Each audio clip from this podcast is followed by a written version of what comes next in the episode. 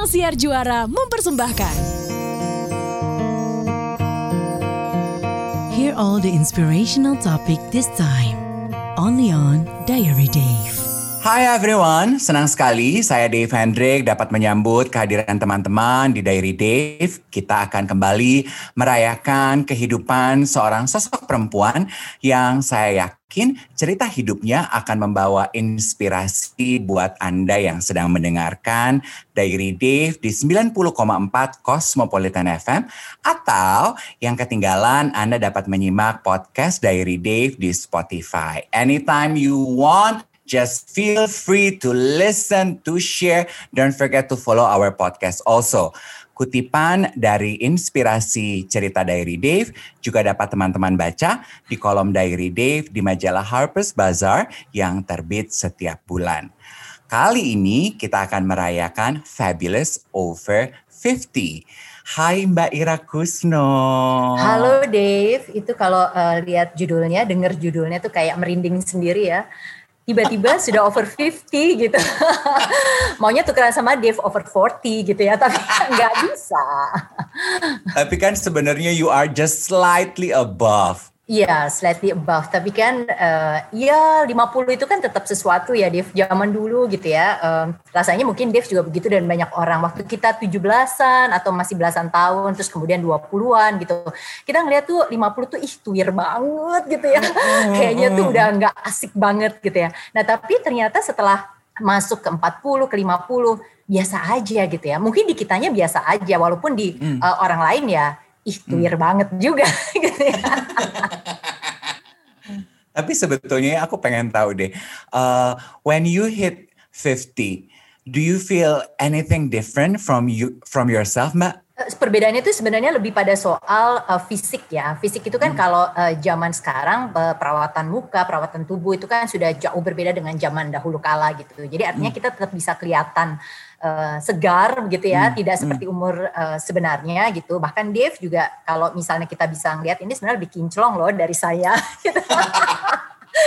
Jadi itu itu sebenarnya sekarang uh, mudah gitu. Hmm, Tapi yang hmm. sulit kan kita tidak bisa membohongi uh, deal di dalam. Nah, True. ini yang sebenarnya harus dijaga dengan benar. Jadi uh, kadangkala kalau uh, saya ngerasainnya sekarang um, kalau sampai lupa gitu menjaga makanan misalnya begitu ya olahraga yang hmm. langsung terasa terkena itu adalah capek lebih cepat uh, capek lebih cepat lupa hmm. gitu jadi hal-hal seperti hmm. itu itu yang hmm. yang terasa betul sih dan uh, kalau yang lain-lain seperti tampilan saya sampaikan itu uh, lebih mudah gitu ya Dev orang akan hmm. uh, bisa memuji tapi yang terasa betul itu adalah soal fisik kalau tadi olahraganya hmm. tuh uh, miss gitu ya terus atau hmm. makannya sembarangan uh, itu yang paling terasa Oke, okay. sebetulnya uh, kapan you realize bahwa olahraga dan menjaga makan itu sudah harus menjadi hal yang perlu diperhatikan? I bet you realize this long way back before you reach 50, right? Iya, tapi uh, sebelum 50 itu sebelum 50 tuh kayaknya kita cuman oh iya iya, iya iya aja. Karena kan menjaga makan, olahraga itu uh, buat sebagian orang tuh uh, susah banget ya, susah uh, banget gitu. Uh, uh, uh, uh. Buat kebanyakan orang mungkin ya, dia iya iya gitu kan. Nah, buat sebagian orang lagi yang bisa merasakan ektase gitu pada saat olahraga misalnya gitu dan hmm. memang punya disiplin yang luar biasa, uh, itu sih nggak ada masalah gitu. Tapi berapa persen sih orang yang beruntung bisa hmm. seperti itu, Dev gitu. Jadi uh, waktu uh, kesadaran itu memang jauh gitu ya, tapi bahwa benar-benar harus melaksanakan itu sekitar umur berapa ya? Jelang-jelang 50 sih. Karena pada saat itu uh, benar-benar mulai terasa kok cepet capek ya? gitu. Dan terus kemudian uh, juga kalau kurang tidur sedikit gitu itu juga juga cepet capek. Tidur juga nggak bisa kalau orang Jawa bilang le-lean gitu ya. Kalau hmm. ya, apa Dev itu kan bukan orang Jawa jadi kalau le-lean itu apa ya? Uh, melek gitu ya. Melek gitu. Ya ya, ya, ya itu sekarang juga nggak bisa gitu. Jadi uh, yang benar-benar harus diaplikasikan gitu ya, terasa hmm. bahwa ini bukan cuma uh, jargon atau pengetahuan gitu, adalah jelang-jelang 50 begitu deh. Okay. But emotionally, what do you think has evolved from you during this new league of your age? Mungkin ini ya, menjadi lebih toleran gitu hmm. dan lebih bisa bersabar itu sih gitu. Dan um, mungkin lebih mensyukuri saja gitu. Jadi artinya hmm. uh, kalau dulu kan pengennya ini itu ini itu sekarang juga masih gitu. Tetapi uh, lebih uh, trying to be the best of yourself gitu ya. Jadi okay. uh, bukan terus oh kok kalau dia bisa begini saya nggak begini, dia begitu saya kok nggak begitu. Jadi kita tapi menjadi versi yang terbaik dari diri kita. Jadi benar-benar mencoba menerima diri kita seperti apa karena kita berpikir ya dulu mungkin kita berpikir kita bisa berubah, kita bisa begini begitu, tapi setelah kita mencapai 50 eh, kita berpikir bahwa ya memang kita sebenarnya seperti ini. Jadi yang paling penting adalah berusaha menjadi versi terbaik dari diri kita dengan segala kelebihan dan kekurangan yang diberikan. Itu sih Dev kalau yang saya rasakan. Oke, okay. banyak yang bilang katanya uh, begitu mereka masuk usia uh, usia, usia emas, emas, ah, second chapter of your life. Orang nggak nggak bilang lagi loh apa life begins at 40 ya, life begins at 50. Yes. Jadi uh, Dave ini masih itu her first chapter. banyak yang bilang begitu masuk usia emas, you become the best and the original you. Do you feel that way too? Um, tahu ya deh belum tahu. Soalnya ini kan masih di awal-awal sekali mulai. gitu ya. ya. Jadi nggak uh, tahu. Uh, saya merasa bahwa sebenarnya orang nggak usah harus menunggu sampai 50 gitu ya untuk merasakan hmm. yang terbaik gitu. Setiap hmm. kali juga orang bisa berubah untuk menjadi lebih baik dan berpikir bahwa memang di chapter itu atau di usia itu uh, dia sudah menjadi lebih menjadi apa ya better person gitu. Jadi kalau saya nggak bisa jawab pertanyaan Dev sekarang, tetapi uh, mestinya sih ini bukan soal umur gitu ya, tapi bagaimana kemudian kematangan pengalaman begitu ya, kematangan terhadap uh, diri kita sendiri gitu, uh, itu membuat kita menjadi better person. Oke. Okay. Karena aku yakin yang mendengarkan Diary Div juga pasti ingin dengar dan kemudian kita kan sangat menghargai pengalaman orang lain ya. Terus ingin melakukan apa yang Mbak Ira lakukan juga. Kalau untuk perawatan luar nih, out there, apa yang Mbak Ira lakukan?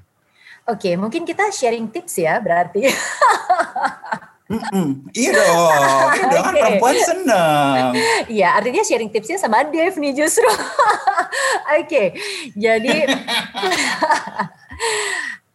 saya ya punya apa perawatan rutin sebenarnya ya perawatan rutin itu sebenarnya hmm. krim-krim lah seperti biasa itu kan uh, menjaga gitu ya tetapi uh, hmm. ketika sudah mencapai uh, di atas 35 misalnya jalan 40 itu tanpa ke dokter gitu ya tanpa bantuan alat-alat rasanya agak sulit kita mencapai um, apa mem mempertahankan uh, memang fisik yang hmm. yang uh, tampilan luar yang kita uh, inginkan gitu. Jadi uh, kalau uh, ditanya ya saya punya uh, memang ada krim uh, untuk wajah gitu untuk untuk uh, badan segala macam tetapi juga saya punya alokasi uh, khusus gitu ya anggaran khusus untuk pergi ke hmm. dokter gitu untuk perawatan karena uh, itu harus dibarengin sama yang paling penting sebenarnya tadi makan dan olahraga. Makan hmm. itu secara spesifik carb, sugar, Dev. Dan hmm. itu buat saya susah ya. Saya mungkin kalau manis-manis nggak terlalu um, apa ya, uh, bisa lah menahan gitu. Tapi kalau udah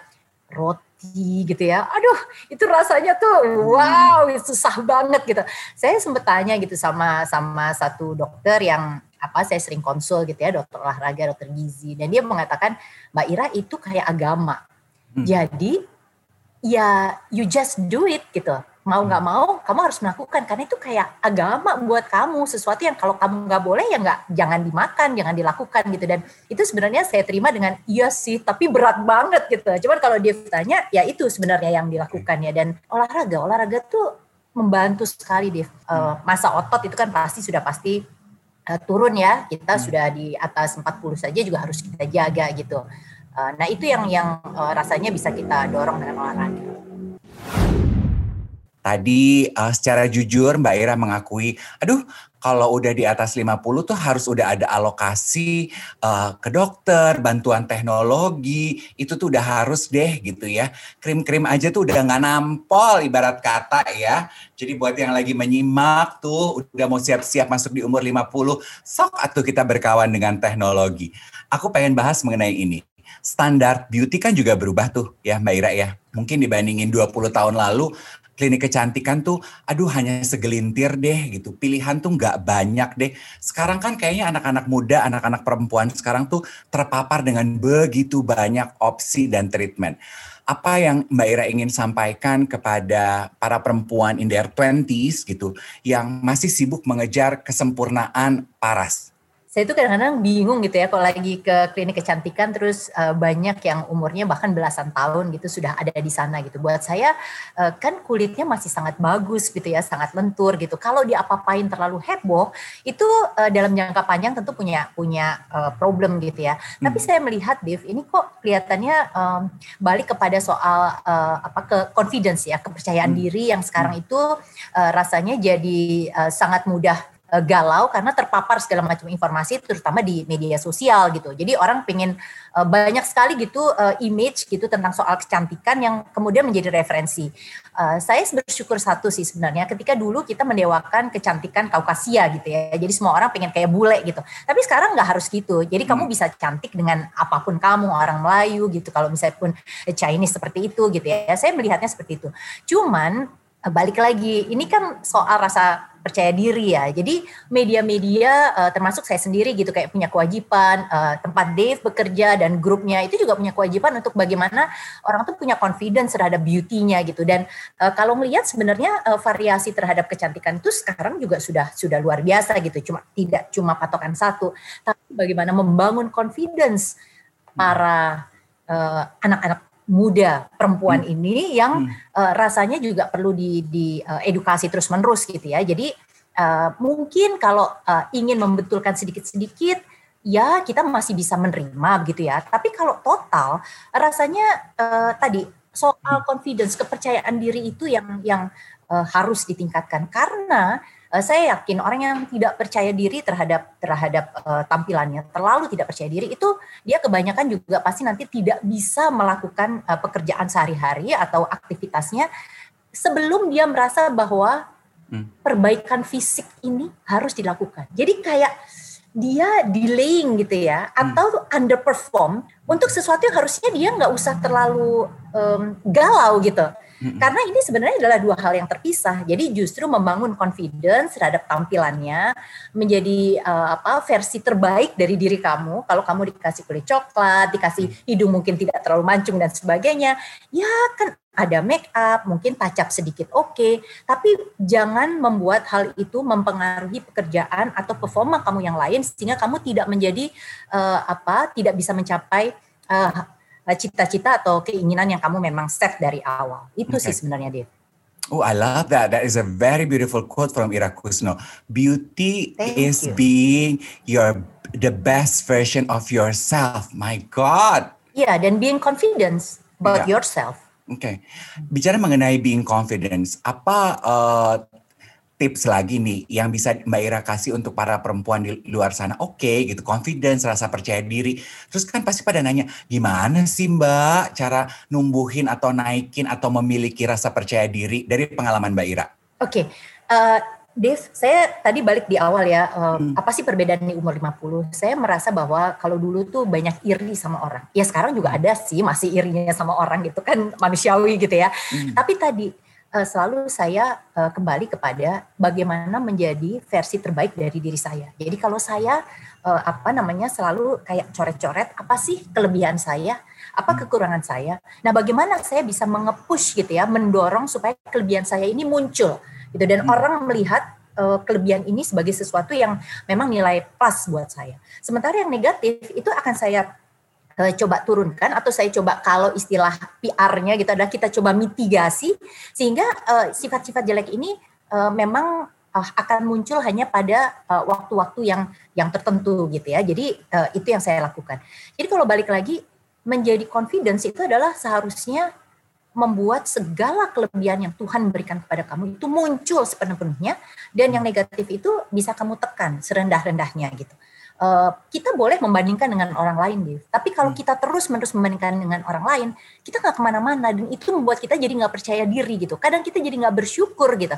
Uh, pada saat kita sampai satu titik, kita harus melihat ke bawah.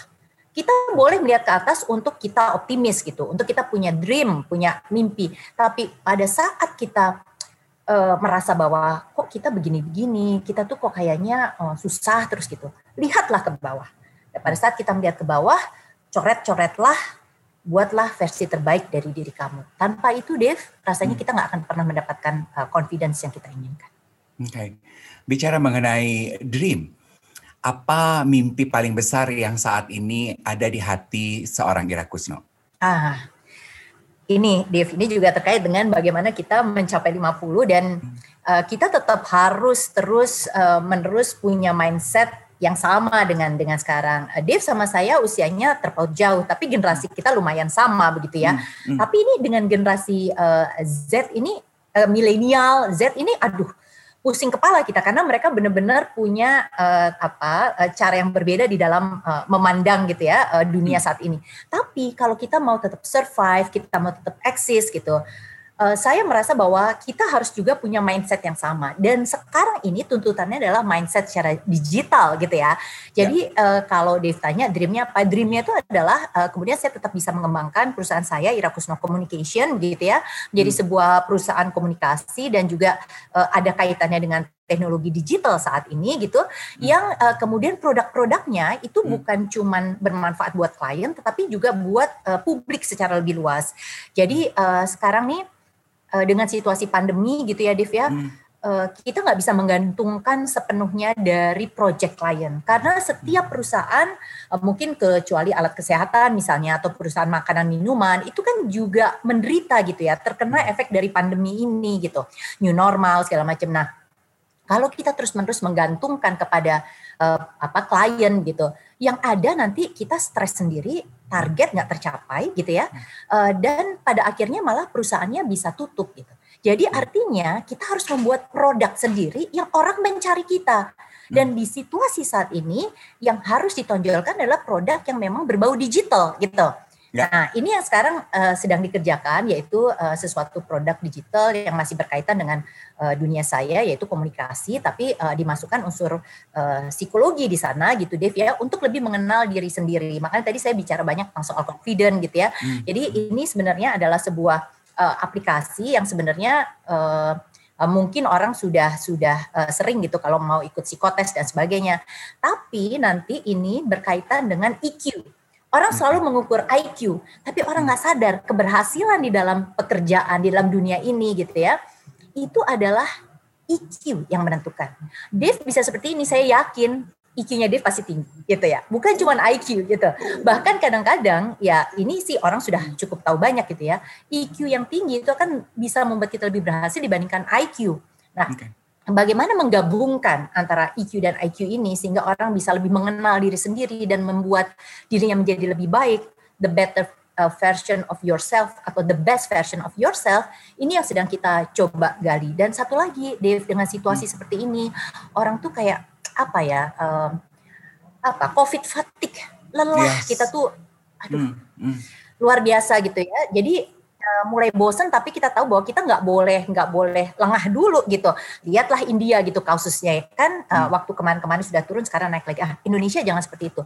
Nah untuk untuk bisa uh, membuat kita tetap bersemangat uh, itu kayak lagi kita kan biasanya sekarang browsing ya. Mm -mm. Uh, saya juga ingin uh, melengkapi app itu dengan uh, semacam moral booster gitu ya. Mm jadi hmm. uh, apa ya moral itu bukan moral ya moral booster buat eh, anak-anak muda gitu yang mungkin merasa down dengan situasi saat ini yang kadang-kadang hmm. tuh jadi galau tanpa sebab yang jelas gitu ya hmm. supaya kemudian mereka ketika masuk ke app ini mereka bisa menemukan dukungan termasuk orang-orang yang uh, mungkin kalau kita bilang uh, mental health ya mental health hmm. ini bukan berarti gila dalam tanda kutip gitu ya, yeah, yeah, tapi yeah. mungkin yang dibully atau hmm uh, apa pun yang dia merasa dia putus asa gitu. Pada umur-umur tertentu kan kamu suka apa ya? Uh, memberontak tanpa alasan yang jelas, galau tanpa alasan jelas. Nah, app ini inginnya juga punya purpose untuk bisa men-serve anak-anak muda yang memang uh, membutuhkan dukungan terutama di situasi seperti saat ini di mana kita tidak bisa berinteraksi secara uh, uh, uh, langsung luas gitu ya. begitu ya langsung nggak bisa ya tadi udah teaser teaser gitu dari Ira Kusno nih ya mengenai mimpi besarnya di, di uh, babak kedua kehidupannya akan ada aplikasi yang membantu kita mengenal diri kita, uh, mensejajarkan uh, IQ dan EQ. Kapan berarti Mbak kita bisa dapat menikmati hal tersebut? Ya mestinya ini segera ya Dev ya, hmm. tapi kan uh, biar gimana pun juga kita nggak mau bikin tes yang abal-abal. Uh, hmm. Artinya uh, toolsnya harus benar. Yeah. Yang menarik adalah uh, belum banyak orang yang menyentuh tools EQ gitu ya yeah. di online gitu. Yang selalu dikedepankan adalah IQ gitu. Jadi uh, inginnya cepat tapi juga bukan berarti uh, membuat sesuatu yang abal-abal gitu. Jadi um, mungkin mestinya sih di uh, semester pertama tahun ini harusnya paling tidak uh, untuk versi websitenya sudah bisa muncul deh. Oke, okay, tuh ya. Tahun ini versi websitenya bisa segera muncul. Ditunggu aja kabarnya ya. Aku yakin pasti akan segera diberitahukan oleh Mbak Ira melalui sosial medianya kan. Nah, bicara mengenai EQ. Kalau buat yang penasaran, oke, okay, pernah dengar, suka dengar gitu. Gimana sih sebetulnya kita itu mengasah EQ kita, Mbak? Nah itu tadi Dev kan kalau IQ itu kan udah datang dari atas ya gitu ya hmm. agak susah tuh memang uh, ya mungkin uh, apa namanya uh, given bawaan gitu ya? orang hmm. given gitu. Nah kalau EQ ini kan sebenarnya terkait dengan uh, dia nggak personality secara keseluruhan ya dia bukan trait juga secara keseluruhan ya tapi artinya adalah bagaimana kemudian kita secara uh, emosional itu bisa menjadi lebih matang di dalam menghadapi pekerjaan kita. Nah Salah satunya seperti yang tadi saya bilang, Dave, uh, kita tahu kapan melihat ke atas dan kapan melihat ke bawah.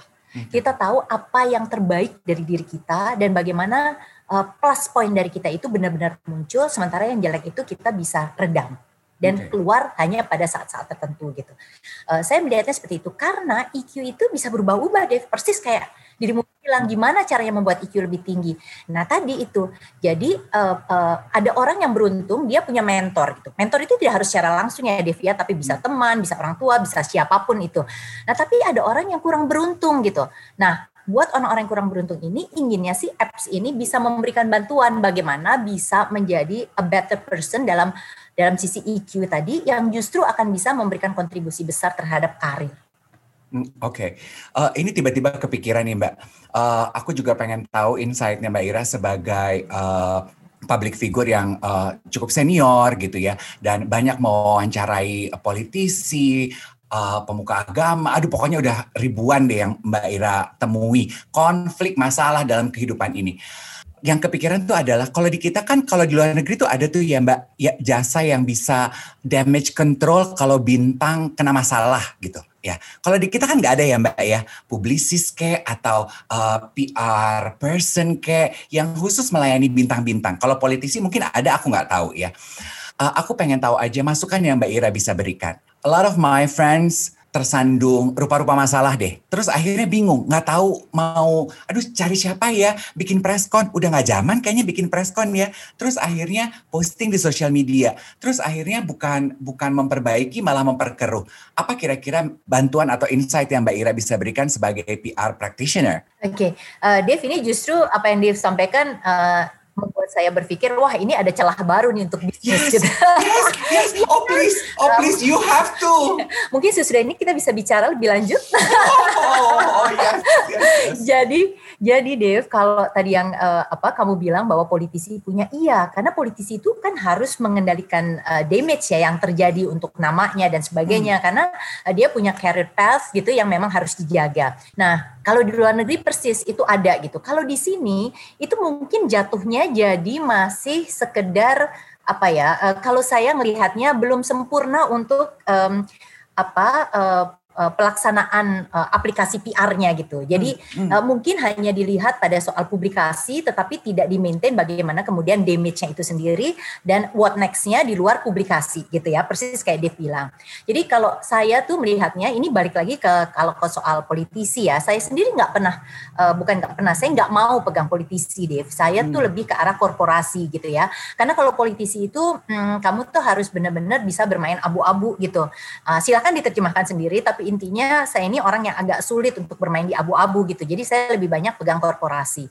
Jadi yang pertama kalau misalnya kita uh, kena satu isu yang bisa dilakukan sebenarnya adalah melihat dulu tren isunya. Trennya ini uh, naiknya kayak apa Dave gitu. Kalau ternyata kayaknya ini udah akan turun sendiri tanpa kita melakukan apa pun, ya udah kita nggak usah menambah keruh. Kalau kita nambah keruh ya nambah-nambah gitu, malah nggak kelar-kelar persoalannya. Tapi kalau trennya rasanya naik terus, nah pada saat itulah kita melihat naiknya terus itu ada di mana, Dave? Di media sosial atau di media uh, mainstream atau di mana? Okay. Nah, baru kemudian nanti kita lakukan tembakan-tembakan ke medium yang memang uh, membuat damage tersebut gitu. Nah, yang paling penting adalah harus tahu yang dituduhkan itu benar atau tidak. Jangan sampai gitu. Ini sering kali Dev, bukan cuma soal personal gitu ya. Korporasi pun dia tidak mengakui apa yang sebenarnya dilakukan gitu. Nah, hmm. ini adalah sesuatu yang sangat salah orang Indonesia itu lebih baik memang mengakui terus minta maaf kok. Itu lebih menerima gitu. Hmm. Dibanding kalau misalnya kita bilangnya enggak-enggak, tiba-tiba ujungnya iya gitu ya. Jadi uh, mungkin diplomatis di saat awal untuk melihat situasi boleh. Tapi hmm. jangan pernah berbohong. Itu adalah kunci PR. Uh, eh, jangan pernah berbohong, tapi tidak perlu mengatakan yang sejujur-jujurnya. Jangan telanjang gitu. Nah ini yang yang kemudian uh, rasanya uh, agak apa ya prinsip ini yang masih uh, belum diterapkan sepenuhnya begitu.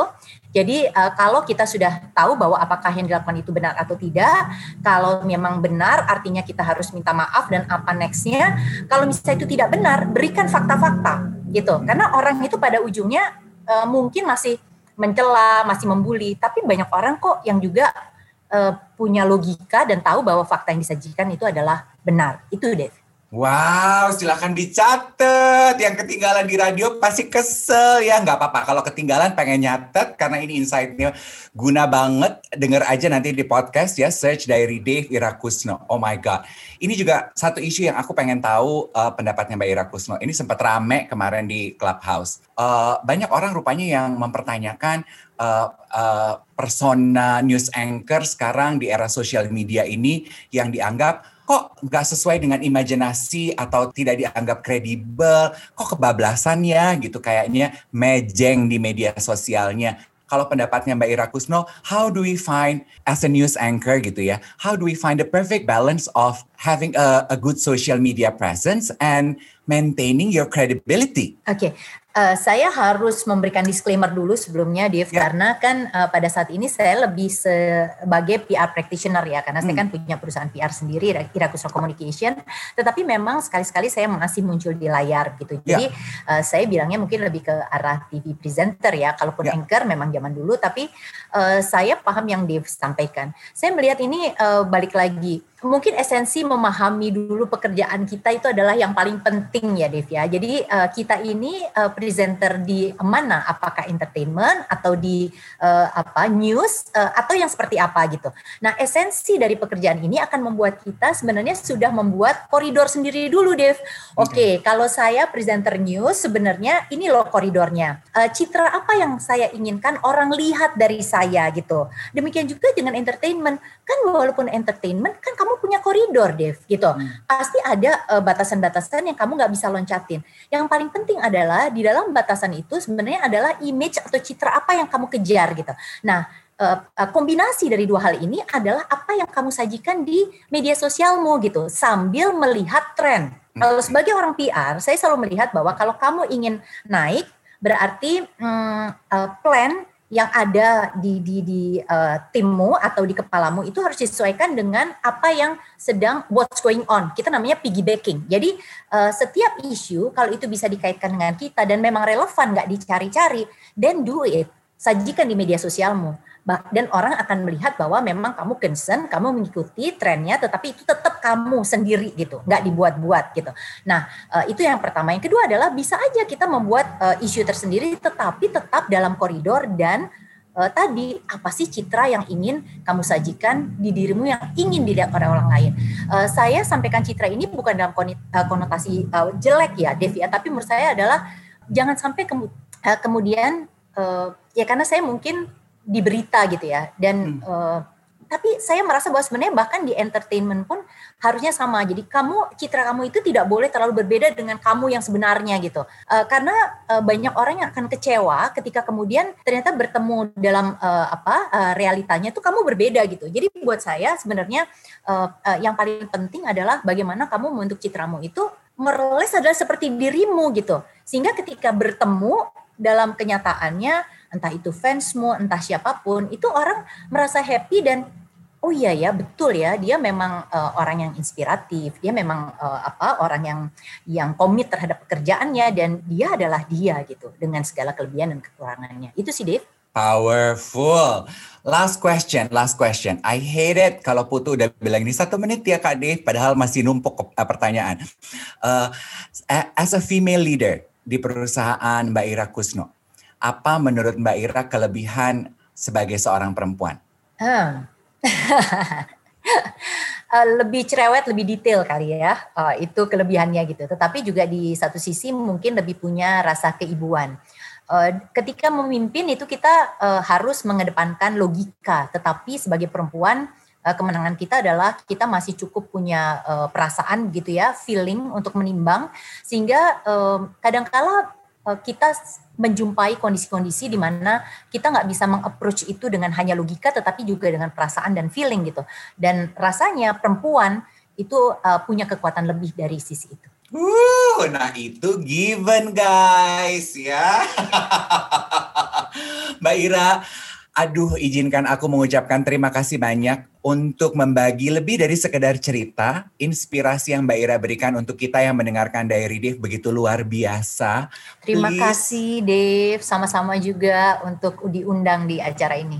Aduh, please keep us posted kapan aplikasinya sudah hadir sehingga kita bisa sebarkan kepada para pendengar kita sekalian. Boleh ya? Terima kasih, terima kasih sekali Dave. Dan tadi masih ada opportunity untuk uh, tadi PR-ring untuk ini ya, Star. Yeah.